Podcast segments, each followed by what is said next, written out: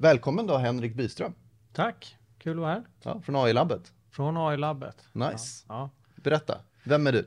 Eh, nej, men jag har jobbat med digitalisering kan man säga i 30 år i olika former. Jag har jobbat i, i IT-konsulting i 15 år och sen så har jag jobbat 15 år på Microsoft där jag var ansvarig för Eh, det man kallar för modern work och security, alltså allt det som har med de moderna arbetssätten att göra. Eh, drev, drev bland annat den här frågan om det som vi idag kallar för hybrida arbetssätt, har jag varit ute och evangeliserat i mer än tio år och pratat om det.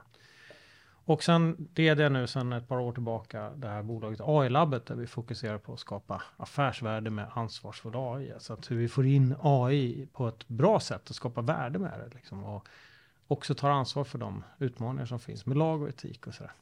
Så det gör jag till vardags nu och hjälper företag och organisationer med det. Nice.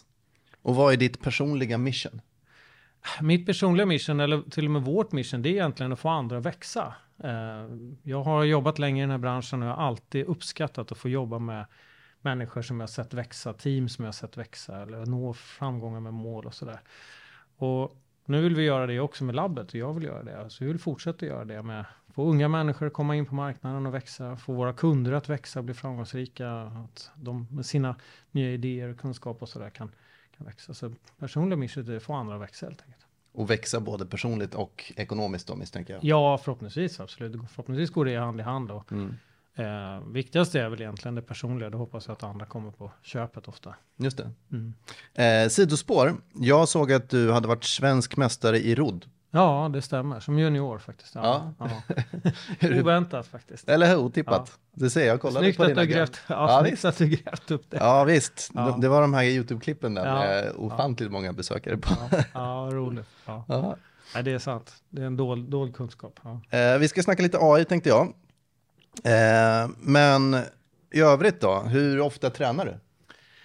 Eh, kanske fem dagar i veckan och sånt där. Mm, nice. Ja. Vad gör du då? Jag är orienterare och Mm. sen så tränar jag kung fu också. Eh, och så Oj. springer jag då övrig tid. Liksom. Ja. Orientering eh, hörde jag någonting om också. Ja, Ja. så att orientering är, det är en av mina laster i livet och kung fu är den andra. Som jag började med rätt så nyligen för övrigt. Kung Fu, jag tänker på Kung Fu-legenden. Den här Ja, gamla tv-serien, såg du den? ja precis. Och, ja, men, och Bruce Lee är väl den som man, så här, superstjärnan och min mästare som jag tränar för, han har tränat med Bruce Lee. Så, att, eh, Okej. så det är ganska roligt. Men, men ja, eh, jag börjar i, i sen ålder så att jag kommer aldrig bli någon Bruce Lee. Men jag kan ändå bli stark och rörlig och lära mig massa nya saker. Och sådär. Man ska aldrig säga aldrig. Nej, så att man, jag tror aldrig man ska sluta lära sig. Jag tror det är extremt viktigt. jag Eh, tänker och mig det, att det- det gäller ju även AI. Alltså. Ja, absolut, jag tänker det är jävligt bra att ha saker som inte är datarelaterade i sitt, eh, sitt, sin intressesfär när AI tar alla jobben då, Ja, teoretiskt ja, men så är det. Jag tror att man, vi måste alltid lära oss, fortsätta lära. Vi kan inte liksom, det här livslånga lärandet som man pratar om som är så väsentligt i, idag i arbetslivet pratar man mycket om det. Eh, men det gäller ju för oss själva som människor också att fortsätta lära sig och utvecklas. Så då kan man inte bara träna kroppen utan då måste man träna hjärnan också. Så att därför så lär jag mig franska och så tränar jag kung fu för då får jag också hålla på och lära mig. Du lär dig franska nu? Absolut. Jävlar. Ja. Ja, det ska du ha en Ja, fjäder i så att hatten får för. man Det- träna hjärnan och sen så får man träna kroppen och Mm. sen så får man jobba långsiktigt med, med att eh, utveckla sig själv helt enkelt. Ja, men det är level up från att sitta och lösa sudoku som hjärngympa. Absolut, det är det. Ja. Ja, ja. Ehm, du är ute och snackar mycket med olika företag som Mm. har eh, olika problem att lösa och eh, där kanske AI kan komma in som en, Mm. ett verktyg. Mm. Eh, hur brukar, vilka, vilka problem är det framförallt som bolag har när det kommer till digitalisering och AI? Nej, men eh, det som kanske är den centrala här är att vi har eh, kanske missat när det gäller digitaliseringen är att koppla det mot de strategiska målen. Det har varit lite för mycket IT-teknikdrivet och sagt att vi måste vara på digitaliseringsresan och sen när man det jag mötte eh, väldigt mycket i min, min roll, både som styrelsearbetare, men också när jag var på Microsoft och träffade ledningsgrupper, och det är vi dagligen när jag träffar ledningsgrupper och vd och så, så frågar jag dem om hur deras digitaliseringsstrategi ser ut. Uh, och ofta kommer det tillbaka liksom en massa teknik. Vi ska rulla ut Teams eller vi ska installera ett nytt eh, uh, CRM-system eller nu ska vi virtualisera våra servrar. Vi tittar på en outsourcing eller vad det nu kan vara för någonting. Och då brukar jag fråga vad ska ni med det till? Liksom. Och hur menar du? Så här, ja, vad, vad är det här ska åstadkomma för någonting? Och man har tappat den här kopplingen, för i styrelsens plan eller i ledningsgruppens plan, den strategiska planen, där står det kanske internationalisering eller operational excellence eller eh, accelerera försäljningen, minska kostnaderna eller eh, främ, liksom, rekrytera talang eller så här. Och mm. Sådana mål står och då kan man ju börja fundera på vad det här gapet liksom. Och det tycker jag är väldigt viktigt att man, man försöker få med. Så att, eh, vi försöker när vi tittar på AI-frågan att inte liksom bli exalterade av all den fantastiska teknik som har framförallt blommat upp på det senaste året då eh, och skapat stort intresse, utan att vi försöker då också koppla det mot vad man faktiskt försöker åstadkomma. Eh, så att vi inte bara gör en massa random initiativ, utan att vi försöker liksom göra det som verkligen gör skillnad. Och sen mm. kommer vi den här tekniken på plats såklart. Men, så det tror jag är en av, de, en, en av de viktigaste grejerna att få med här. Eh, och sen också att man gör det här på ett ansvarsfullt sätt. Nu kommer en ny lag i hela Europa, och, och eh, men lagen är ju en sak. Etiken är egentligen mycket, mycket större än, än bara lagen. Liksom. Den här AI-lagstiftningen mm. är ju lite intressant för folk att känna till. Vad, om, om vi ska summera ihop vad det är för någonting och hur tankarna går där. Mm. Det är eh, EU som tar fram världens första reglering kring AI. Det finns andra initiativ också. President Biden har ju gjort sin president, en presidential order. Den är skruvad på lite annat sätt och den är inte liksom en reglering på samma sätt. Så att EU går först här går i bräschen. Eh, lagen är ute på remiss nu och kommer förmodligen att beslutas här i början på det här året tror man. Eh, och då vara klar och i drift. Sen har man två år på sig som organisation, precis som det var med GDPR att efterleva den här lagen och se till att man har fått dit alla processer och strukturer. Och så. Lagen eh, är till för att hjälpa oss att, att göra ansvarsfull AI, alltså att få, få oss att införa AI på, på ett bra sätt för oss.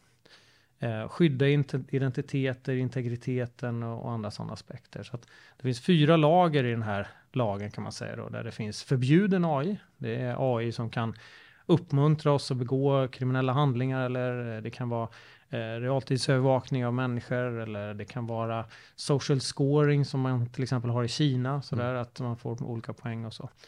Eh, det är, Gamification kallar vi det. Ja, men precis. Och det är, det är förbjuden AI då. Sen under det så finns det då eh, det som är lite mer, det kan vara högrisk AI eller lågrisk AI eller ingen risk AI. Så, att säga. Och så finns det olika förhållningssätt till det här. Och högrisk AI kan ju till exempel vara där det finns en högre känslighet av materialet. Om vi brukar ta exempel med HR-tjänster som är väldigt vanligt förekommande nu. Att få hjälp med att sortera och filtrera i CVs, kanske till och med göra intervjuer och gallra utifrån de kompetenskrav som vi har satt upp och så får vi ut de här kandidaterna sen som, som vi vill ha som de främsta kandidaterna enligt AI då.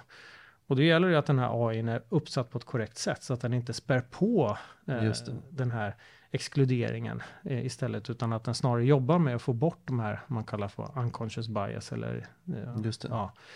Och eh, eh där är typiskt en sån högrisk AI. Det är inte förbjudet, men det gäller att vi gör det på ett rätt sätt så att vi inte liksom gör det ännu värre än vad det, vad det kunde bli då. Exakt, att, att ge AI en rätt typ av värdering. Ja, men precis. Det, men sen så finns det ju AI som inte är någon risk med alls. Alltså om vi använder Google-tjänsten för att kartan för att tala om för oss när kommer bussen och vilken ska, hur ska jag byta, när kommer, är det förseningar, det är mycket i trafiken och ja. Det är ju liksom ingen, ingen större risk med det. Mm. Utan, um, men, så det finns en, en, en nivåskillnad här då som man behöver ha koll på när man får in AI-tjänster och det är man skyldig då som organisation. Och som ledare så är du ytterst ansvarig för det här. Uh, det kan du inte ducka för. Det behöver inte vara expert på lagen, men du måste förstå den och du måste förstå hur du kan efterleva den och ta hjälp när du behöver och så. När kommer det här rullas ut du? Ja, det börjar, alltså lagen kommer nog beslutas, skulle, man, skulle jag tro, i början på det här året, alltså 2024. Eh, och eh, sen så har man två år på sig då. Så att det ligger ute nu för sista beslutssteget då. Man tog en, man var tvungen att göra om faktiskt det här när de generativa AI-tjänsterna kom. Så att man har ett särskilt kapitel runt omkring de här generativa tjänsterna där, där det är ett stort krav på transparens. Att man ska förstå att det, att det här är generativ AI som har skapat det här materialet och så. Ehm, så att där gjorde man, det tog, blev en liten fördröjning på grund av det. Men, men, ja. Om vi ska definiera begreppen, generativ mm. AI mm. kontra någonting annat AI då? Just det. Vad har vi för alternativ? Väldigt bra att du, du tar upp det, för det, det är lite så som när man pratar om AI idag så tänker alla generativ AI, det vill säga AI som skapar något nytt. Eh, vanligaste tjänsten här är väl ChatGPT som Mm. vi alla tänker på, eller de här DALI när vi genererar bilder och sådär. Det finns ju AI-tjänster som skapar musik eller vad det nu kan vara, filmer. Mm. och Så här. Och då skapar vi någonting nytt som inte har funnits förut. Ja, och det är en generativ AI-tjänst. Men AI är ju egentligen ett, ett brett begrepp. Det grundar sig i maskinlärande tjänster. Alltså vi sätter en dator som, som beräknar, har en beräkningsalgoritm och som kryper ner igenom all data och lär sig det här datat och ser mönster i det här datat. Och då kan vi sedan applicera eh, olika typer av tjänster på det här. Eh, det kan vara till exempel att vi kan få såna här eh, avvikelseanalys. Vi kan titta på vad eh, att en viss ekonomisk transaktion avviker mot hur mönstret brukar vara och då finns det en risk för fraud till exempel. Eller vi kan använda det i, vården för att kombinera med en annan tjänst, sån här object vision, alltså datorseende kan man väl översätta det med. Mm. Att vi kan göra bildanalys då, eh, till exempel att se om en jämföra en cancersjuk lunga mot en frisk lunga till exempel. Och då ser vi en avvikelse där, men det är också det här bildseendet då. Eh, och bildseendet eller så, det använder vi också när vi loggar in i våran dator med ansiktsigenkänning eller, eller sådär. Eh, Tobii är ju ett framgångsrikt företag på det här, ett svenskt företag som jobbar med ögonigenkänning, eh, när vi kan styra eh, olika enheter och sådär med och göra analyser av hur ögonen rör sig. Det är också då sån här object vision som det kallas då. De tänker jag mig använder AI nu. Absolut. Och Använder de AI? För de har ju ändå funnits ganska länge, Tobbe. Ja, den grundas väl ja, någonstans 10, 12, Mm. 12 kanske 13. Ja. Och sen finns det ju eh, andra eh, tjänster som, som kan komma till det. Vi har ju sån här konversations-AI där vi kan kommunicera med AI. När, typexempel på det här är ju när vi pratar med Siri eller Google eller Alexa och pratar eller om vi dikterar i Word eh, och så får vi ut en text och sådär. Skulle du klassa Siri som AI Ja, i absolut. Absolut, nuvarande absolut. form? Mm. Och det är egentligen, Siri är egentligen flera olika AI-tjänster om man ska vara riktigt krasst. då, Men, men, eh, och sen så finns det ju, eh, kan man kombinera, sen har vi de här chattarna och så som vi också har växt fram och blivit bättre. Att vi, eh, i, I begynnelsen så hade vi de här förpreppade svaren så här på FAQ-er på Alltså man frågar, sen kunde den 15 olika svar och så fick man, man hade alltid en 16 frågan som Mm. det blev värdelöst. Nu lär sig de här väldigt bra. Du kan ju sätta en chatt mot en sån här alltså kundtjänstdatabas till exempel och lär sig massa så du kan få väldigt bra svar liksom, Mm. när du frågar den här. Och då kommer man ju sen in i kombinationen, då är vi tillbaka ut i ChatGPT som ju är en konversations-AI med chatt som skapar ett nytt material som inte har funnits förut. Så att AI är en bred, bred grupp av termer och det går att använda på så olika många sätt. Eh, där det stora genomslaget är väl kanske den här generativa AI just nu. Då. Jag förstår. Um, om vi tittar på de företagen som du är ute och pratar med. Vilka, vilka verktyg är det de generellt sett arbetar med när det kommer till AI idag? Ehm, just nu så är det, skulle jag säga, att mognaden är relativt låg.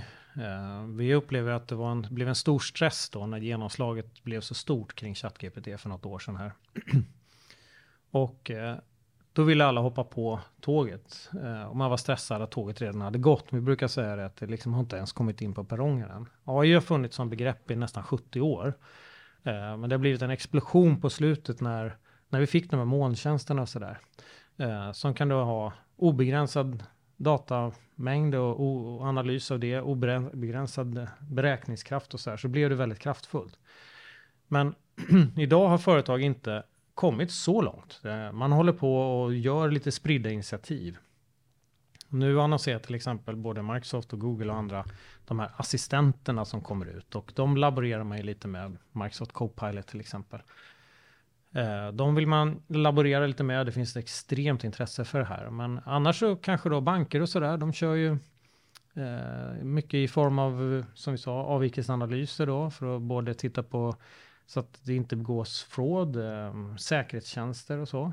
Eh, man kan titta på i eh, fastighetsbranschen så har man ju väldigt mycket data i husen som man vill liksom använda för att försöka göra någonting smart av all den intelligens som finns ifrån fläktar, energisystem och el och vatten och allt vad det kan vara som kopplas upp. Liksom. Och då kan vi sätta ihop det här på smarta sätt. Vi kan ju se i handeln till exempel så får vi ju, har ju säkert mött så här, andra kunder som har köpt den här är också intresserade av och så där. Att vi kan använda AI för att liksom hjälpa oss som kund vidare då. Eh, eh, så, att, så att egentligen finns AI i olika form i alla branscher. Eh, så finns det lösningar som är införda eller på väg. Men generellt sett så skulle jag säga att mognaden är ganska låg och vi har inte kommit så långt. Just det där med andra har köpt det här. Ja. Det eh, gick ju Amazon där i bräschen för, för 20 år sedan mm. lite grann. Mm. Skulle man kalla deras initiala försök till det eh, som AI eller mer som en algoritm? Ja, det, det, är väl en definitionsfråga. Alltså i, i, för att det ska kallas AI så ska det finnas ett lärande egentligen. Det ska ju det ska inte bara vara en, en statistisk modul som räknar ut liksom att, utan det ska finnas ett lärande att man kanske också ser ditt handelsmönster. Att du har tidigare köpt de här grejerna, då borde du nog kunna gilla den här nya grejen som har kommit eller så där. Så att det inte bara blir så här att, aha, du väljer att köpa en dator, du vill förmodligen ha sladd också. Mm. Eh, så, att, så att det finns, eh, det, kan inte, det ska inte bara vara en statistik, utan inte det ska if. finnas ett, nej, inte if, utan det ska finnas ett, ett lärande, ett, eh, liksom där, där algoritmen lär sig datat. Då. Men, men eh, tillämpningar finns ju i alla möjliga former och stora genombrottet började väl egentligen kanske skulle jag säga för sju, åtta år sedan och sånt där. Mm. Och sen så blir det i var mans mun lite grann då med ChatGPT. Uh, jag brukar jämställa det lite grann med när vi, när internet kom, så hade man ju pratat om internet väldigt länge om som en plattform man skulle kunna kommunicera i realtid över hela planeten. Men vi förstod inte riktigt vad det var sådär, uh, förrän vi fick webbläsaren. Då kunde vi se internet. Vi kunde liksom läsa texter och vi kunde kommunicera över hela planeten. Vi skickade e-post och sånt där. Då blev liksom internet reellt för oss och vi, vi, kunde förstå det. Samma sak blev det egentligen när ChatGPT kom så att vi alla kunde prova de här generativa AI-tjänsterna. Då kunde vi förstå AI storhet. Innan dess hade vi inte förstått det. Liksom. Vi har använt tjänster men vi har inte förstått att det är AI. Liksom. ChatGPT likhetstecken Netscape 1.0 lite grann. Ja, men lite så. Ja, mm. ja men lite när, så. När webben blev synlig. Ja, men precis. Mm. Och då kan man ju i det perspektivet sätta reflektion och se hur mycket som har hänt på de här, vad var det, 92 någonting va? Uh, och, och liksom se hur mycket som har hänt i samhället i förhållande till Ja, internet var ju inte en fluga, det, det kan vi konstatera. Mm. Och potentialen som man pratade om på tidigt, framförallt 2000-tal i internet med all handel och folk reste ju kapital och vi, vi skulle ha stora drömmar och, om vad som skulle hända och sådär. Tekniken var inte riktigt mogen då, eh, men allt det som vi pratade om då i bo.com till exempel mm. och annat. Det är ju verklighet idag i Zalando, i Boost och allt vad de heter. Eh, Sportamore eller vad det heter. Mm. Och vi pratar om strömningstjänster och sånt där. Det hade vi inte kunnat förutse då. Liksom. Att vi skulle ha hela världens musik i vår mobiltelefon och gå och lyssna på det. Mm. Eh, det, det, det, var ju väldigt från... Och på samma sätt så har vi inte, kommer ju AI-utvecklingen gå liksom i en enorm acceleration här nu framåt. Eh, med all teknik som ligger bakom, både i form av molntjänster och 5G och allt möjligt som, som kommer. Kommer det komma en liten eh, AI-bubbla däremellan tror jag också innan det blir nästa, nästa etapp? Det, det, är ju, det är ju svårt att säga. Nu har ju värderingarna på bolag som har AI på något sätt har ju... AI-namnet nästan. Ja, nästan har, har ju naturligtvis accelererat och är det en bubbla eller inte? Jag tror kanske också att man har lärt sig rätt mycket när det gäller att värdera bolag från, från den tiden.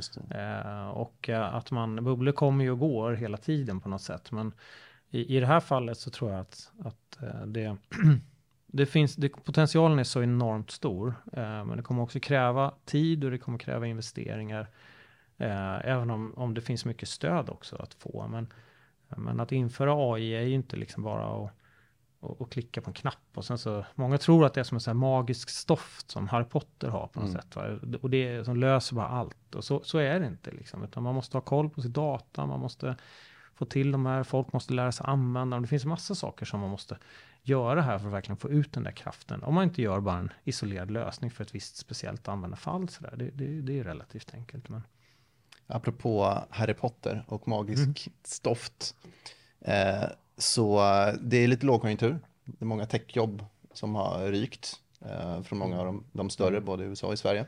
Jag tänker på också som eh, Twitter X eh, så var det väl 70-80% som fick gå där mm. i den här, det här blodbadet för, för något år sedan. Mm. Eh, och eh, misstänker att eh, mycket av jobb, mycket sker med AI där gällande moderationen. Mm. han, vad heter han, Sebastian på Klarna, mm. gick ju mm. ut också och tog ett statement och sa att eh, om du får sparken så ersätts du av AI. Mhm. Eh, Kanske lite mer för att synas, jag vet inte. Mm, det var nog, ja. vad, vad har du för eh, kommentar kring, kring det? Hur säkra är jobben? Här Eh, och nu så att säga nej men precis, eh, och det där är, det där är en väldigt eh, bra, det är en väldigt vanlig fråga också som kommer upp.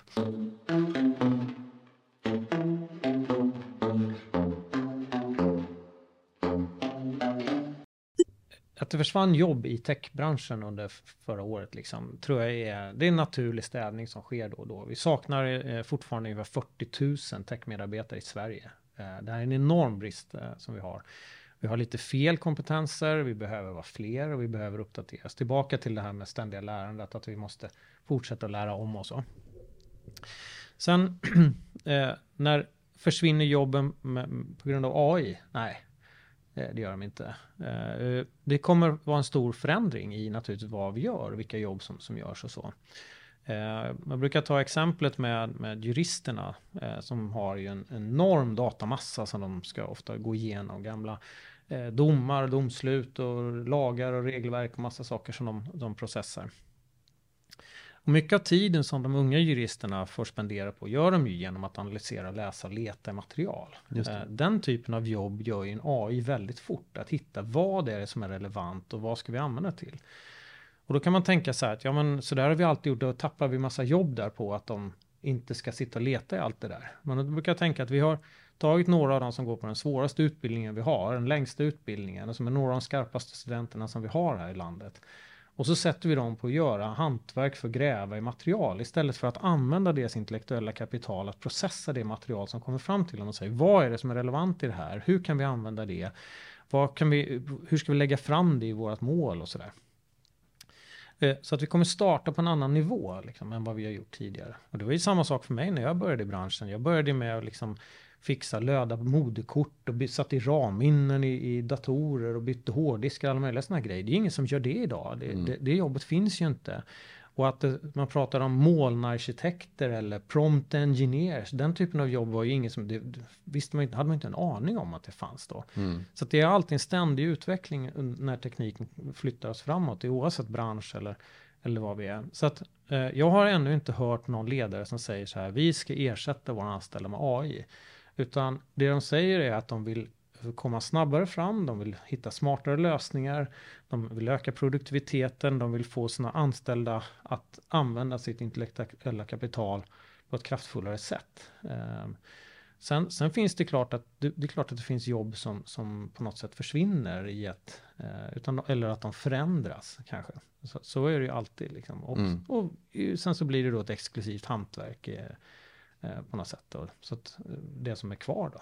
Ingenting är ju statiskt. Nej men så är det ju. Jag menar, idag om man tar en, en smed, en klassisk smed liksom som vi hade. Det, det är, ett- idag är det ju ett, eh, liksom att få jobba med klassisk smed och se dem jobba är ju fantastiskt att se. Man gå Men till Skansen ju. Ja, men precis. Och vi står där och, och fascineras av det. Medan det är robotar som gör i industrin. Liksom. Och sen har vi kommit på fabriker som gör robotarna och sådär. Så att, så att det blir en exklusivitet i att kunna det klassiska hantverket så att säga. Men det är inte så vi jobbar i, i vår vardag. Eh, och därför tror jag att det är extremt viktigt att ha det här mindsetet av det här.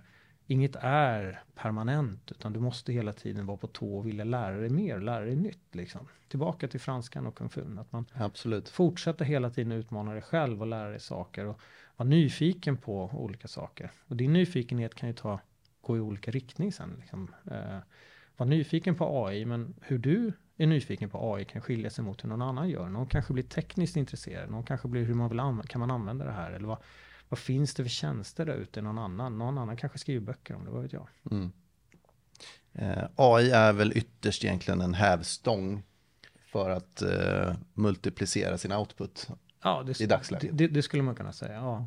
Kan Mm. man säga. Och om man ska ge tips till eh, någon som sitter väldigt eh, bekvämt så är väl kanske tipset att eh, ändå vara nyfiken då och vilja eh, Ja. experimentera med det här. Ja, jag brukar, när vi coachar ledare och vd och ledningsgrupper och sådär, så brukar vi till att börja med så måste frågan om AI måste landa hos, eh, den kan inte landa hos någon annan än ledningsgruppen och ytterst vd eller vice vd som har det holistiska perspektivet över hela eh, organisationen. För sätter du ansvaret hos IT, då kommer det bli teknik. Sätter du det hos HR, ja men då blir det HR-frågor, ekonomi, det blir finans och sådär. Mm. Och AI är inte en isolerad fråga, det är någonting som genomsyrar allting. Det är ingen som funderar idag på liksom, eh, elen, vem Mm. ansvarar för det? Liksom. Eh, och det, utan det måste ligga hos vd eller vice vd. Eh, och då brukar jag säga att ett bra tips där är att fundera på hur varje avdelning kan ta sig an de här förmågorna. Vad betyder det för dem i varje avdelning? Och hur kan vi se till att varje medarbetare, varje ledare tar ett steg framåt? Eh,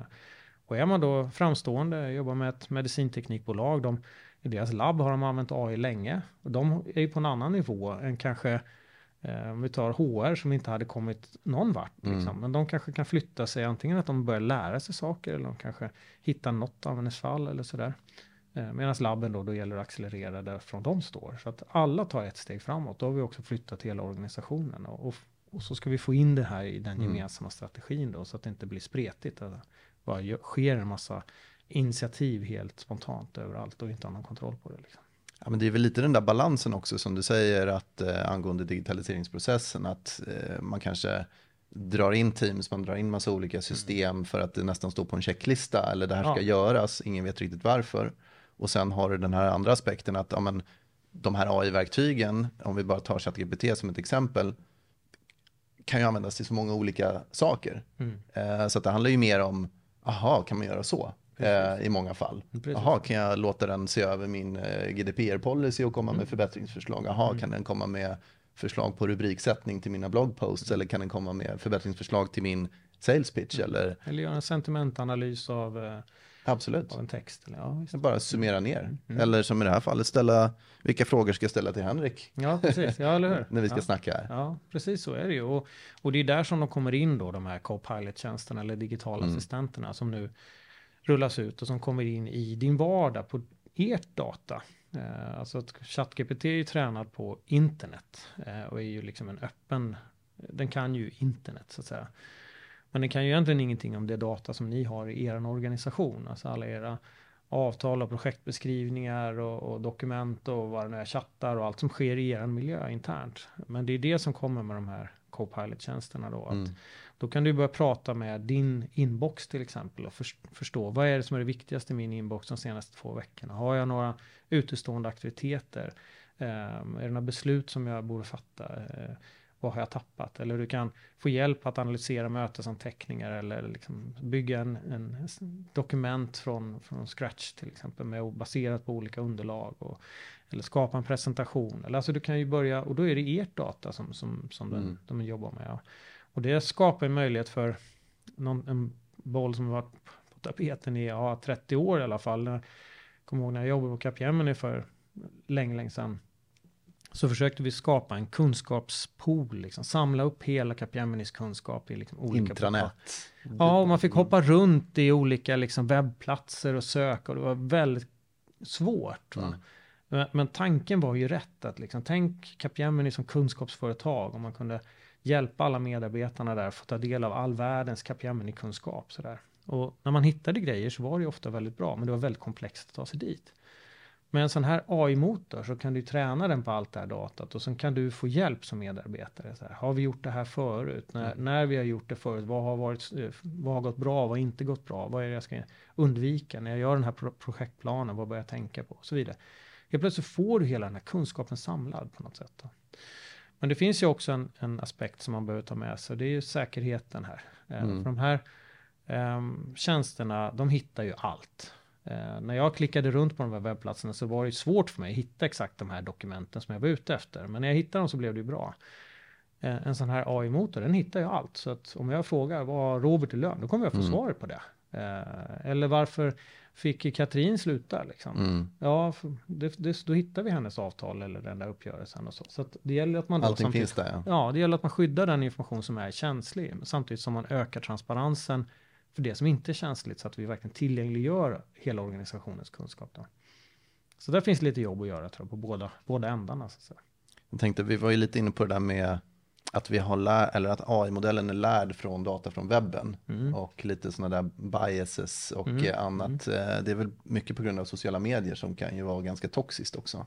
Absolut. Ja, det, det är absolut så. Och det här kommer tillbaka till det vi var med lagen och etiken. Att att eh, de här modellerna är ju tränade på internet. Så att om du idag skapar en bild och säger, säger att så här, det ska vara en chef som står framför en, eh, en grupp människor och presenterar. Då kommer det förmodligen vara en vit man. Mm. Eh, därför att så är Stereotypen av. Så, liksom. Ja, precis. Så är det liksom. Och skriver att det ska liksom, så, den är tränad på hur internet är uppsatt. Mm. Eh, och det finns ju väldigt lite, alltså det är väldigt också västdominerat i, i liksom internetdatat som man säger, det vi kommer det. åt. Och allt det här bygger ju upp olika typer av, av liksom underförstådda felaktiga perspektiv då som vi behöver balansera. Och det där är en viktig etisk fråga. Liksom. Det, men det är bara en del av etiken. AI-etiken är extremt mycket större faktiskt eh, än, än eh, lagen då. Det kommer ju in på de här aspekterna med, med det här, men det kommer också in på aspekterna av att de här datacentren som, som vi driftar det här i, eh, vad är det för datacenter? Mm. Eh, I Sverige har vi ganska fina datacenter som, som liksom drivs med, med förnyelsebar energi och så vidare. Återvinner material och andra aspekter. Men, men det finns ju datacenter i USA som, som dricker så mycket vatten så att det går inte att bygga fler hus där för det finns inte vatten att tillgå. Mm. Liksom. Eh, Okej, okay, det kan vara bra att veta som organisation då att hur, hur ställer vi frågan till vår leverantör kring de frågorna? Hur är deras strategi för det? Mm. De här komponenterna som sitter i datacentren, vad är de uppbyggda av? Ja, men det är ju sådana här jordartsmineraler. Liksom. Hur kommer de till, hur ser processen ut för att få fram dem? Liksom? Mm. Gallringen av allt det material som vi inte vill se i de här flödena. Misshandel, barnvåldtäkter, eh, vad det nu kan vara annat, sådana hemska saker. Språkbruk som inte vi vill se och, och ska komma fram och sådär. Vem är det som tränar modellerna på att plocka bort det där? Mm. Inte sällan är det afrikanska barn som får en dollar 38 cent i timmen för att, att göra det här materialet. Timme efter timme sitta och gallra så här. Vad händer med de barnen i deras perspektiv? Och då om man som organisation tänker på AI och etiska så behöver man ju liksom ha med sig det här, gå tillbaka till sina värderingar och till de mänskliga rättigheterna och hur vi ser på det perspektivet och se, ställa de frågorna helt enkelt. Att hur säkerställer vi att vi agerar så etiskt som vi bara kan liksom, i de här förhållandena? En, en liten eh, infallsvinkel där, så är det ju lätt att tänka sig att de här afrikanska barnen enkelt kan ersättas av en egen AI som gallrar åt eh, AIn. ja, och då blir det ju väldigt viktigt hur de AI-modellerna är tränade. För då har ju de också någon form av ja, värdegrund. Eller, ja, en värdegrund, eller unconscious bias och sådär. Och hur är den tränad och sådär. Så att, så att absolut, va? Det, det, och det där är en, en svår och bred fråga. Liksom. Jag, jag tycker det är en jätteintressant eh, frågeställning just kring när AI går så pass mycket snabbare än vad vi vill kanske, Mm, eller mm. ta åt oss och utvecklas och tänka själva. Mm. Och vi mer eller mindre lämnar ödet för vissa av sådana här eh, Mm. viktiga ärenden i händerna på AI. Och vi inte ens förstår vad som händer nästan. Ja, precis, och det är det som också lyfts fram, till exempel om Max Stegmark i, i sommarpratet där, om, om, om liksom den allmän generella intelligensen Mm. som ska kunna ersätta mänskligheten och, och, och, och ja, vi kommer dö ut helt enkelt, så vi att vi inte är en tillräckligt intelligent varelse. Eh, de, de här AI-etikerna finns ju egentligen i två olika perspektiv. Man brukar prata om dem som long term perspektiv och near term perspektiv. Och det long term perspektiv, det är ju de som tittar på de här, människan kan utrotas. Därför att, och så. Men det finns också de som jobbar med perspektiv av det mer near term perspektiv, att titta på eh, vad är det viktigaste att göra nu? Liksom? För att gör vi det rätt så kommer vi förmodligen komma åt det här long term perspektiv. Att om vi ser till att vi eh, minskar sexism och ökar jämlikheten och tänker igenom de här frågorna med hållbarhet och alla de här aspekterna på AI så, så kommer vi att lösa det andra på, på, på längre sikt också. Och sen är det ju också att frågan om att röra sig inom där du kan agera och ha mandat. Eh, och du kan ju som organisation, kan du, du ska ju någonstans leverera ett värde ut till eh, antingen kunderna eller medborgarna eller ägarna eller vem det är som är intressant. Och det är det som är ditt uppdrag och då kan du göra det på ett så bra sätt som möjligt. Och då kommer AI kunna möjliggöra för dig att göra det. Och då kan du tänka på hur gör vi det i förhållande till lagen och de etiska aspekterna. Men huruvida mänskligheten riskerar att utrotas, det kanske är utanför din så att säga, circle of influence. Mm. Vilket gör att där får vi förlita oss på att beslutsfattare, forskare, media och andra liksom som kan påverka de sakerna och sen så kan vi göra våran sak i att rösta på människor eller driva och stötta olika frågor och sådär.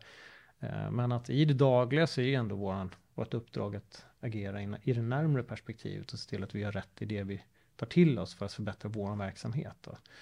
Eh, lite så försöker jag i alla fall coacha eh, när vi coachar ledningsgrupper och organisationer. Då, att, att eh, Ehm, det är jättebra att ha de här långa perspektiven på radarn, men det kan vara lite utanför oss. Och vi kan inte stå utanför att använda AI. Ehm, för då kommer vi bli ersatta. Vi kommer inte bli ersatta av AI, utan vi kommer bli ersatta av andra som använder AI. Ehm, chefer som inte använder AI kommer bli ersatta av chefer som använder AI. Medarbetare som inte använder AI kommer bli ersatta av de som använder AI. Sådär. Så att generationsskifte. Det blir ett generationsskifte mm. och, det är det som vi vill försöka undvika också. Att vi ser till att vara med på tåget. Eh, sen i vilken takt och sådär. Man behöver inte känna stress för det här utan eh, det var likadant med internet liksom. Mm. Men däremot kan vi nog konstatera att de som inte har varit med och utvecklats och tagit del av internetutvecklingen. De är ganska eh, de står efter nu och har lite svårt att hoppa på tåget nu. Mm. Eh, och det är därför som vi ska se till att vi är med, vi är nyfikna och sådär. Men vi ska göra rätt. Vi var inne lite grann på eh, AGI, mm. eh, generell intelligens, när man kopplar ihop olika eh, moduler va? eller modeller, eller vad, hur definierar man det? Ja, det är egentligen att, att en AI, som du är inne på, en AI som utvecklar en annan AI, att den, den utvecklar sig, sig själv. Liksom. Mm. Eh, och den, eh, man brukar prata om perspektivet att den får ju ett uppdrag. Liksom. Eh, se till att skapa den absolut bästa, det finns den här paperclip factory brukar man prata om. Mm. Alltså de här ja. Mm. Ja, gemen. Liksom. Se till att göra de absolut bästa gemen som finns. Det är ditt uppdrag. Och för att göra det, så om vi säger till en AI att gör allt du kan för att göra det. Då är det det som är ramen för den här. Och om det sen kommer att till bekostnad av att den måste liksom trampa eh, på människor och, och, och, att den måste eh, gräva upp massa, alltså vad den nu mm. gör för någonting för att skapa det här. Den har ett så smalt perspektiv liksom. Eh, och eh, då blir det ju liksom dens uppdrag på något sätt. Det är inte där än och en del hur snabbt det här med AGI kommer komma, det, det är ingen som vet. En del säger att det, vi ligger så långt fram och det kommer gå fort, andra säger att det kommer ta liksom sekler eller 20 år eller 10 år eller en del säger två år. Mm. Alltså, vi vet inte. Uh, men det vi vet är att vi kan agera här nu för att föra in AI på ett ansvarsfullt sätt i det som vi tar oss an. Liksom. Mm. Och Sam Altman och gänget där borta, mm. de håller ju på och teasar och säger att de har kommit mycket längre än vad, vad de vill visa upp och så vidare. Men det kanske är mer för att hypa upp eh, börskursen, vad vet jag? Ja, ja de, man ska ju ha all respekt, tänker jag, för deras insikt och som, som eh, Max Tegmark och de andra också som, som liksom forskar mycket på det här och, och de har hållit på med det här många, många år. Eh, men någonstans tänker jag ändå att vi får agera där vi står och försöka eh, se att nu finns det AI-tjänster som vi kan börja föra in eh, och då behöver vi eh, ta vara på dem helt enkelt, både som individer och organisationer.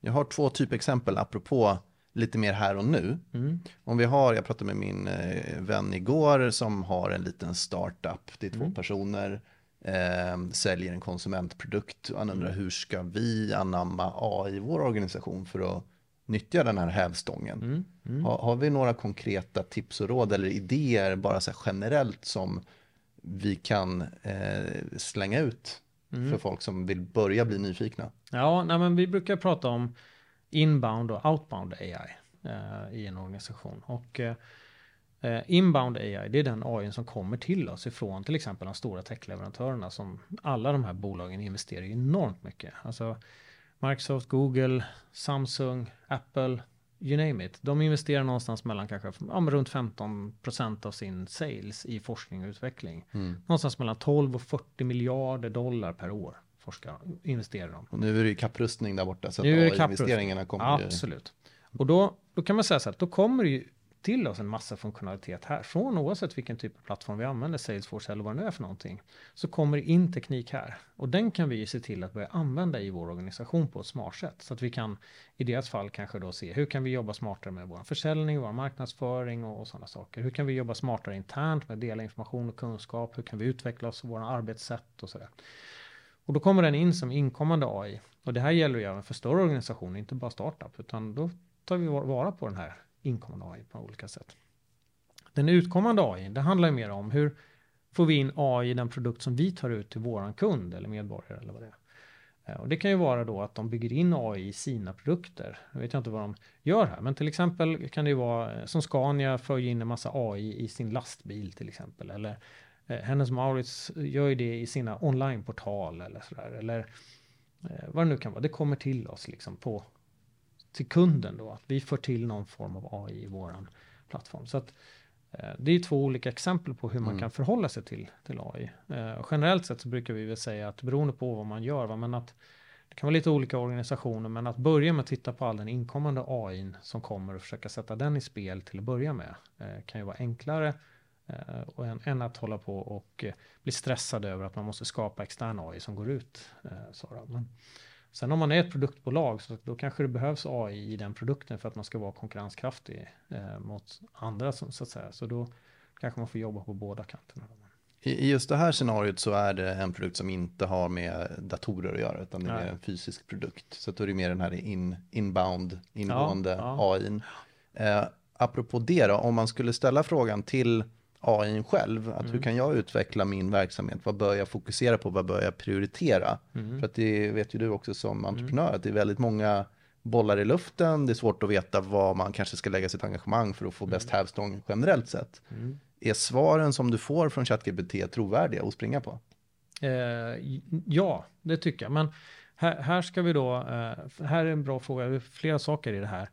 För det första så behöver man ju då fördjupa ner liksom. Eh, när, jag har, när vi skrev den här rapporten för ett tag sedan eh, om, om kompetens som, som den viktiga aspekten i hybridarbete som bygger på egentligen att vi skapar medarbetarengagemang och hur man gör det. Då använder jag jättemycket ChatGPT och frågar rörande data och analyser och så här. Men jag frågade också hur kom du fram till det? Mm. Har du några källor till det? Kan du ge mig några länkar till det? Så att man inte bara tar det för givet utan att man faktiskt tar den här källgranskningen. Och inte sällan var det ju så att 99% av de där länkarna jag klickar på var döda eller mm. jag kom inte åt materialet eller sådär. Och då blir det svårt för mig att källgranska och se, kan jag använda det här eller inte? Men sen ibland när jag väl kom in i materialet så kunde man se så här, men hur var det här relevant? Han har ju pekat på fel, eller hon har ju pekat på helt fel källa, eller det här är inte relevant. Fel slutsats kanske till och med. Ja, eller så ser man så här, det här var faktiskt relevant, det kan jag använda. Mm. Eh, den andra aspekten i, i den frågan är att när vi kommunicerar med ChatGPT, den öppna källan, eller, eller även Bing-tjänster eller Googles tjänster eller vad det är som, i form av det här, så är det ju öppna tjänster. Det innebär att vi tränar ju modellen och da, bi, bistår med vårt data. Så att om du tar din strategiplan och säger så här, laddar upp den och säger så här, kan, kan du hjälpa mig att analysera den här, vad borde jag göra? Mm. Då skickar du också iväg hela din strategiplan till motorn och mm. lär den. Så att när konkurrenten sen tittar och så ställer sig, vad borde vi göra? Jag gör inte det, för det gör Robert. Just det. Eh, så att då kommer du in i att man vill träna det här i den skyddade miljön. Det finns tjänster idag där du kan liksom betala för både ChatGPT eller den här Copilot-tjänsten från Microsoft eller Googles eh, bort, så att säga. Där du tränar det i en, en säker miljö, där du inte delar med dig av ditt data. Och det skulle jag uppmuntra att man gör just det scenariot då. Och då återigen så ställ frågor och fördjupa. Och det här är en viktig kunskap apropå det att lära sig prompta, ställa frågor och inte se det här som när vi har en sökmotor, då sökte vi en fråga och sen började vi bläddra runt. Här ska du fördjupa, ställa frågor, motfrågor, fördjupa och, och sådär. Och det är, en, det är en teknik som vi kommer behöva lära oss här, fram, ja, framåt när vi jobbar med de här tjänsterna. Vad blir eh, framtiden för sökmotorer? Kommer de finnas kvar tror du? Ja, det, det, kommer de ju göra. Eh, men det kommer kanske vara en liten annan form också. Och det där har vi egentligen redan sett också. Eh, redan innan så att säga eh, ChatGPT kom. Så eh, vi har ju haft de här ehm, intelligenta maskinerna i hemmet. Vi har haft Siri. Så här, vi har ju pratat med dem mm. och sökt och fått svar på något annat sätt. Men i bakkanten ligger de här sökmotorerna mm. också. Och, och det har ju varit som i Alexa en kombination av sökmotor snedstreck någon typ av crude AI. Ja men exakt så. Och, och så är det ju likadant nu att om du tar och ställer en fråga i den öppna Copilot-tjänsten från Microsoft till exempel eller, eller Google Bart så, så kan ju då eh, den här eh, OpenAIs motor, den har väl data fram till januari 22 tror jag nu eller något sånt där. Det som har hänt efter det kan den inte, den är inte tränad på det. Men däremot sökmotorn kan ju fortfarande hitta material. Så det är därför du ser att när du använder de där tjänsterna så börjar det med att den söker lite grann och de börjar generera ett svar. Sen står det också här, söker på och sen söker den ut och får på så sätt in mer data. Den tränar sin egen modell men, men du kan också få då det här senaste datat från januari 22 framåt. Då. Så att, så att eh, det finns ju en, alltså kombinationen av det här och ibland vill man ha en söklista. Liksom, ibland vill du ha bara kunna bläddra runt med lite bilder eller liksom träffar eller så. Och ibland vill du ha det här svaret. Men man kommer nog jobba med det på lite olika sätt och det kommer integreras i produkterna på ett annat sätt och i våra enheter på ett annat sätt. Så vi kommer nog kommunicera med data på ett annat sätt än vad vi gjort tidigare. Gällande bara eh, djup, dyka tillbaka i det du sa innan att om jag skickar in min exklusiva mm. hemliga mm. rapport mm. in i mm. ChatGPT och vill ha en summering eller en mm. förenkling eller en sammanställning eller någonting sånt där. Är det så idag att ChatGPT äger den informationen som jag skickar in? Eh, ja, du bistår ju egentligen med material, precis som du, som du gör med när du söker på Google eller vad som helst, eller Facebook eller, eller så. Eh, så att, men däremot om du har den här betalda, skyddade, då står det ju säkert där liksom. Och då bidrar du inte till att träna modellen eller bidrar inte med ditt, ditt data. Mm. Så därför är det väldigt viktigt. Alltså det kanske inte är så viktigt om jag ska skriva ett, ett julrim på en julklapp, va? Mm. Nej, då är det inte så, så viktigt. Så man får skilja på konsumenttjänster här och man får mot liksom företags och organisationstjänster. Men däremot om du lägger in och ställer fråga om din strategiplan i ett företag så är det ju ganska viktigt att du känner att det här är våra grejer. Mm.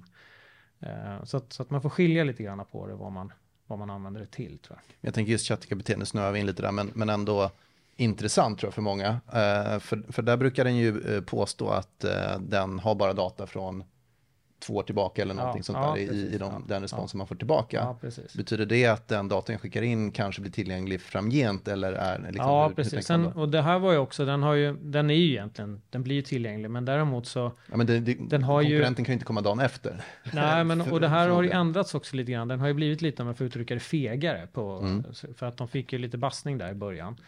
Det un, un, roligaste exemplet var väl precis när, de hade, när tjänsten var lanserad och eh, den brittiska kungen hade tillträtt och frågade vem är regent i, i Storbritannien? Och de svarade ja men det är Elizabeth II. Så här.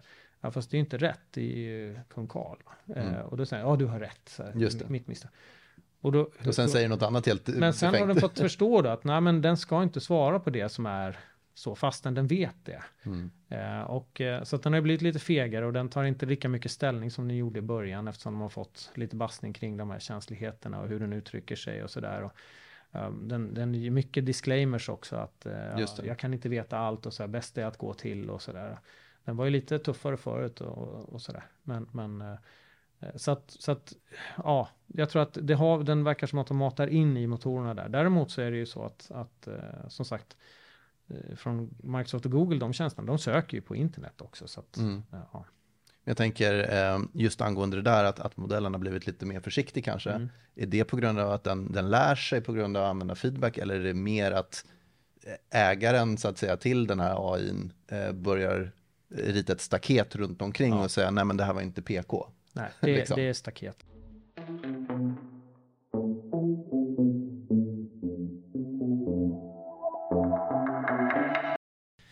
Ja, nej men precis. Och det, det, ehm, det har ju med egentligen regleringarna och det här som kommer och att de har fått kritik för att de är för frispråkiga och, och så vidare. Och att, eh, att eh, man inte vill spä på de här ytterligheterna och sådär. Eh, så att, så att det, det är nog där, det är, det är staketet helt enkelt från, från eller ägaren av tjänsten som, som har satt upp det. Mm. Eh, en helt annan fråga då. Om vi tänker oss att digitaliseringen har ju gått lite grann ifrån liksom BBS till eh, Netscape, till webbkommunikation, mm. till sociala medier och nu AI då. Hur ser framtiden ut för hemsidor? Mm. Eh, när vi var i, eh, i Almedalen i somras så höll en session tillsammans med tidningen Chef på temat liksom leda eller ledas av AI på ledarskapsscenen. Så var vi också och, eh, hos Meta och såg deras nya glasögon som de kommer. Eh, de är ju otroligt eh, balla, alltså. de ser ut som ett par Ray-Ban glasögon, helt vanliga mm. glasögon. Mm. Inte Oculus du pratar om? Nej, men om man tänker sig att man har sådana glasögon mm. och har hela världens kunskap runt omkring dem så är det väl kanske så att, att det är ytterligare ett gränssnitt som vi kommer att ha, precis som vi har mobiltelefoner, som vi har datorer, som vi har tv, som vi har eh, som de här Alexa-maskinerna eller vad det nu är. Så att, så att hur vi kommunicerar information kommer ju naturligtvis ske på en massa olika sätt. Va? Eh, så framtiden för hemsidor kommer säkert vara att ja, visst, du kommer fortsätta använda i form av vår mobiltelefon eller dator för att det är effektivt i de lägena. Medan i, i andra fall så kanske vi vill få det uppläst i vårt öra, eh, ungefär som man lyssnar på en podd. Mm. Eller i de här glasögonen där man helt enkelt kan scrolla runt och se eh, information, den som känns tillgänglig och sådär. Så att vi kommer nog att accessa information på helt olika sätt beroende på vilken enhet vi har. Det är olika format. Det kommer, ja precis. Long, short och så vidare. Ja, men precis. sociala medier. Ja, men precis. Så att det är nog, jag skulle säga att det är nog um, att hemsidan i sig kommer säkert att, ja den kommer fortsätta utvecklas för att det ska bli lättare för oss att konsumera såklart med alla smart, det är ju skillnad på en webbsida idag mot hur den var 99 liksom. Ja. Uh, men men uh, de kommer ju också naturligtvis utvecklas efter alla dessa typer av enheter. Men, mm. men datakällan kanske är med, på något sätt samma, men vi anpassar oss efter klienten i hur, den distribueras till. Exakt, och det, det skedde ju ett stort skifte där när, när smartphones kom gällande Exakt. webb. Ja. Uh, och för många branscher är det ju liksom 90 plus procent i mm. mobilen som ja. läsandet sker. Ja, absolut. Och då kan och, man tänka sig att man kommer mäta det här på andra, eh, på andra plattformar också. Ja, ja men precis. Och det är ju att inte ha en mobilanpassad webb idag är ju liksom... Nej, det går inte. Nej, det går, går inte. Och då blir besökaren irriterad och sådär. Men å andra sidan så är det ju så att i, inte sällan så sitter man i telefonen och känner så här, det här går inte, jag, jag får sätta mig vid datorn. Ja. Jag vill ha större fönster att jobba med. Liksom. Eh, och på samma sätt så vill man ju inte bara sitta och ställa frågor i så ska man försöka komma ihåg det i huvudet liksom, när man pratar med en enhet. Utan, så olika enheter har ju, ja.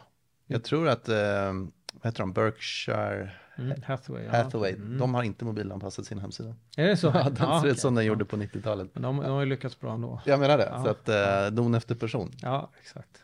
Eh, om det finns du har ju en 20-årig son va, som gick på KTH mm. om jag mm. minns rätt. Eh, jag har tre barn också. Eh, min äldsta kommer börja på högstadiet. Mm. Eh, och ehm, vad, vad ger man för råd nu för att men det var ju svårt redan när, när, vi var yngre, när det gick så snabbt. Och, men för ett par generationer sedan så var det ju liksom, gör det som, mm. man följer den här formen, man gör det farfar gjorde i princip. Mm. Mm. Va, va, när det rör sig så snabbt och man måste, så att säga, alltså de gamla reglerna gäller ju inte riktigt om tio år mm. förmodligen. Mm. Hur ska man tänka där? Hur ska man, eh, vilka råd kan man ge till en student idag? Mm. Ska man ens gå i skolan? Absolut. Man ska lägga ner all energi man kan i skolan, eh, tycker jag. Rådet sen är att man ska göra det som man tycker är kul och det man brinner för. Det kommer man få stort engagemang för också eh, framåt. Eh, spontant vill jag bara, liksom, allting som i mig skriker välj tech, läs matte, välj tech. Men, men alla kan inte göra det. Mm. Utan man, vi behöver folk som jobbar i vården, vi behöver folk som jobbar med kulturfrågor, vi behöver folk som jobbar med i praktiska yrken. Så, så att vi ska göra det som, som man, man själv känner att man får energi och vad man brinner för. För då kommer man göra ett bra jobb och, och liksom skapa ett bra värde. Man kommer få, en, till, alltså få ett bra liv. Så, så, så, att, så jag tror att det, det är svårt att rådge. De här premisserna som har förändrats. Det var ju likadant för oss i förhållande till vår generation före oss och mm. generationen innan dem. Och så Det förändras hela tiden mm. och det accelererar i förändringstakten så att säga. Va? Eh, och här brukar jag själv tänka lite grann att man kan inspireras av punkarna. Liksom. Eh, för att Magnus Uggla? Ja, och, och Tåström och alla ja. de här som, som liksom var, och Clash och allt de heter de var ju, tyckte att de var rebeller och, och de var utmanade i hela systemet och de hade konstiga färger i håret och hål i öronen och konstiga kläder och upplevdes som lite stökiga och sådär. Det är klart det finns fördelar och nackdelar mm. här med det här. Det var mycket kanske droger och, och, alkohol och sånt där, visst. Men, men det fanns också en annan sida i det här. En enorm kraft i entreprenörskap. De mm. skapade mm. magasin, de skapade festivaler, de knöt kontakt med varandra över hela planeten, liksom, som hade samma intressen. Och, och många av de här har ju sen på olika sätt blivit rätt framgångsrika när man tittar på det. De har skapat framgångsrika band eller de är mm. framgångsrika kulturpersoner eller, eller har skapat olika verksamheter och, och så vidare. Va? Så de hade en väldigt stor entreprenöriell anda som, anda som drevs av att de ville inte göra samma sak som man, man hade sagt till dem att göra innan utan försöka hitta en egen väg. Liksom. Och jag brukar säga att vi ska bejaka våra punkare liksom, i organisationerna. De som vågar tänka lite nytt och utmana och, och ta nästa steg på något sätt. Va? För att det är, det är framgångsrikt tror jag. Och det gäller egentligen även för våra barn då, att försöka coacha dem kring att vad, vad som är rätt och riktigt och, och, och sådana saker. Men att, att på något sätt uppmana dem eller uppmuntra deras liksom, kreativitet och punk på något sätt. Är du punkare? Eller vad? Ja, ja absolut. Ja, jag, jag är ju bred, vi pratade om musiksmak innan, jag är bred så jag lyssnar ja. absolut på mycket punk, absolut. Ja. Jag, jag tänker där apropå punk, det är väl lite... Jag var inte punkare då, men, men okay. jag, jag, lyssnar mycket på punk och jag tycker punken är bra. Ja. ja. men själva grundtesen i punk är väl precis som du säger att man, eh, man, man eh, alltså en sam, samhällskritik eller en, ja. en, ett, ett sätt att, att skåda status quo på något sätt och ifrågasätta det och våga vara Inte lite vilja göra som alla säger till dem utan, utan försöka hitta sin egen väg på något sätt. I, i alla fall läser jag in det så. Men, men men att, att eh, inte bara, och det tror jag är bra, liksom, mm. vi, vi, ska fortsätta utmana, utmana oss själva och fortsätta och göra. Men vi ska naturligtvis följa alla regelverk och sånt där mm. som vi gemensamt har satt upp. Alltså det, det, det ska vi naturligtvis göra. Det kommer vi tillbaka till de här mm. värderingarna och det. Så att, men att våga vara, liksom, tänka sin egen väg, hitta sin egen väg. Men att därför tror jag att, att om man lägger ner mycket tid i skolan, för det är viktigt, mm. men också att hålla igång sin kropp och, och så. Just det. Eh, så att man, för det är också viktigt. Liksom. Men, men, eh, så därför så är det väl det att Spendera tid i, sko i, skolan och skapa dina egna förutsättningar för att göra vad du vill. Mm. För om du inte spenderar tid i skolan så får du inte valfriheten sen. Mm. Och just det här att hitta någonting som man de facto eh, tycker är kul och har passion för. Ja. Och, vill ut, och vill nörda ner sig i. Ja. Det är det som är det viktiga känner jag. Ja, jag tror det. För att annars blir det så att säga om man, om man bara följer någon utstakad väg som kanske inte ens är, är viable mm. eh, fem, tio år framgent. Ehm, ja, då, då kan man bli lite besviken kanske. Ja, precis. Och, och sen får man ju naturligtvis se förutsättningar. Om man väljer som sagt att bli smed enligt den klassiska mm. skolan, mm. liksom, ja men då finns det en begränsad arbetsmarknad på det mm. naturligtvis. Va? Ehm, men, men eh, man kanske vill det, bli världens bästa smed. Liksom. Och alla måste inte bli världens bästa heller. Liksom, utan, utan, man ska göra det som man tycker är kul och man ska ha, skapa energi, för då kommer man att då, då, kommer man må bra och man kommer skapa bra grejer. Jag tror att man gör bra grejer av det som man brinner för. Mm. Några andra insikter kring AI du känner att vi har missat här? Eh, nej, men jag tror att väl som, som, man, som, som man rundar av lite grann så tror jag att AI kommer med en enorm fart nu eh, mm. och vi behöver alla liksom hoppa på det här tåget och förstå i förhållande till oss själva vad det, vad det är. Om man inte har satt sig in i AI-frågan så kan man börja med att lyssna på en podd som vi gör här nu mm. eller läsa någonting eller prova någonting eller sådär bara för att man får en, medvetenhet om det så mm. att vi tar ett steg framåt. Och som organisationer så uppmuntrar jag att man tar grepp om det här i ledningsgruppen och skaffar sig en AI-strategi. Eh, vi på AI-labbet så har vi en metodik för hur man gör det där liksom, eh, på ett ganska enkelt sätt. Men att ta in det till de här affärsmålen så att det inte bara blir massa spridda initiativ. För blir det mm. massa spridda initiativ då blir det teknikdrivet och det kommer också bli väldigt mycket svårare att få kontroll på i förhållande till lagen som vi, och etiken som vi kommer till kommer strax här då. Så att, att skaffa sig ett grepp om det här, hur vi gör det här och att uppmuntra det, eh, förändringen, det, det, är väl det som jag vill skicka med att bejaka det, förstå möjligheterna och riskerna. Liksom.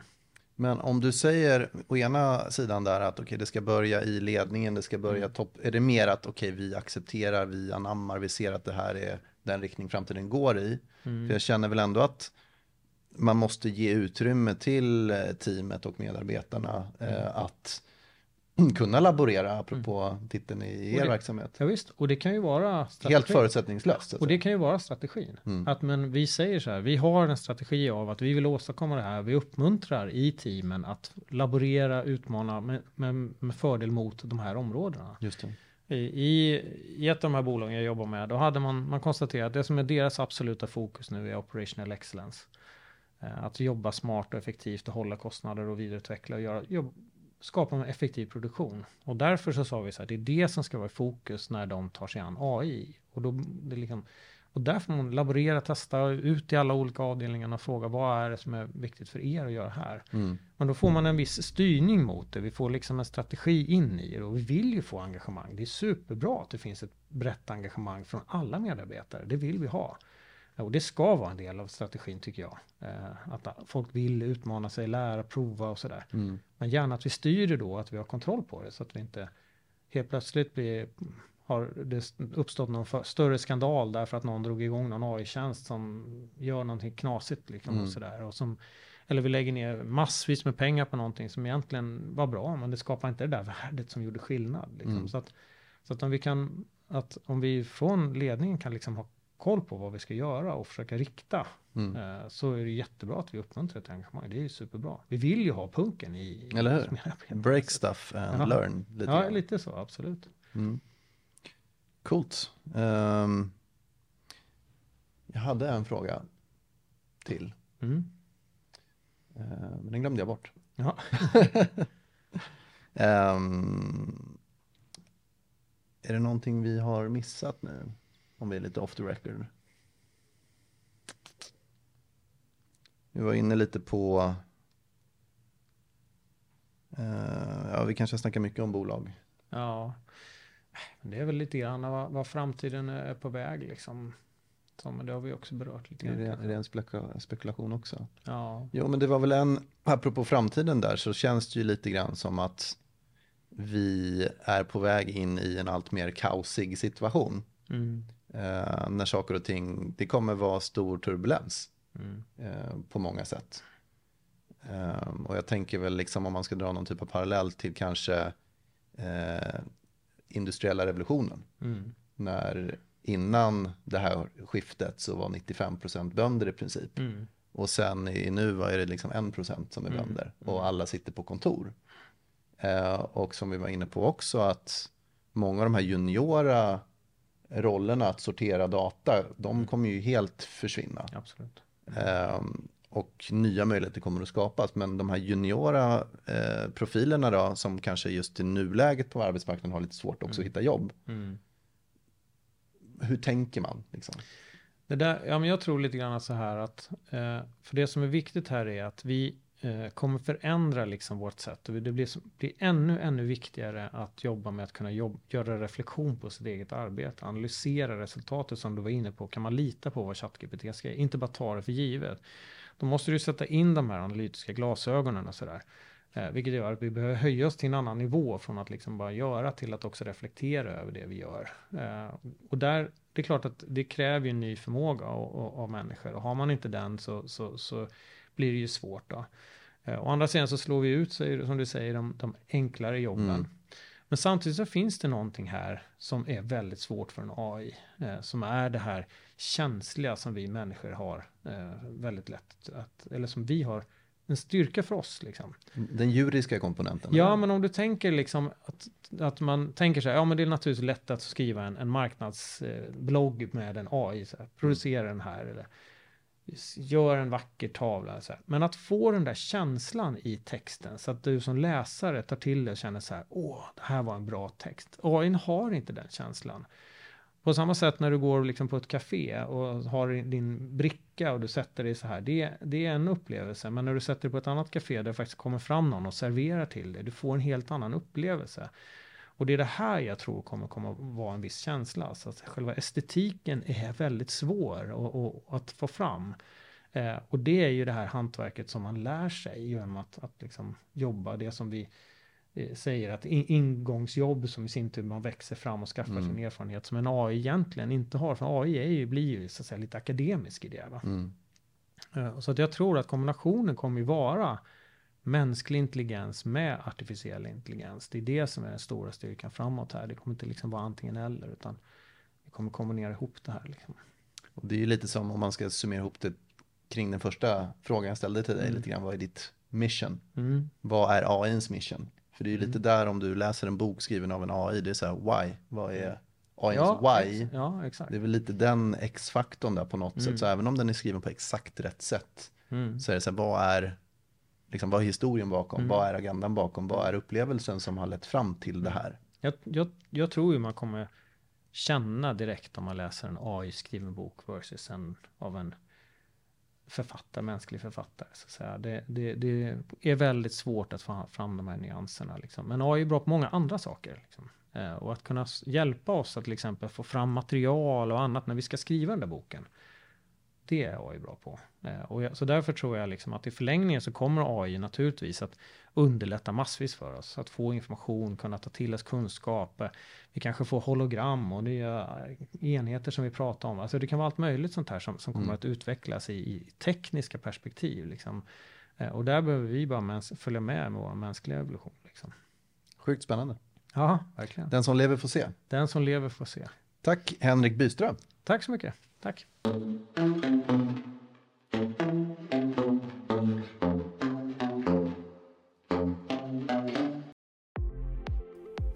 Jag hoppas att du gillade mitt samtal här med Henrik Byström. Om du gillar avsnittet så tipsa jättegärna en vän som du tror skulle vara intresserad och glöm inte att prenumerera så att du ser när det kommer nya avsnitt. Ju fler prenumeranter jag får desto häftigare gäster kan jag få ihop. Eh, nästa vecka så snackar jag med Michel Rufli om guld, om det är en vettig investering eh, i en volatil konjunktur.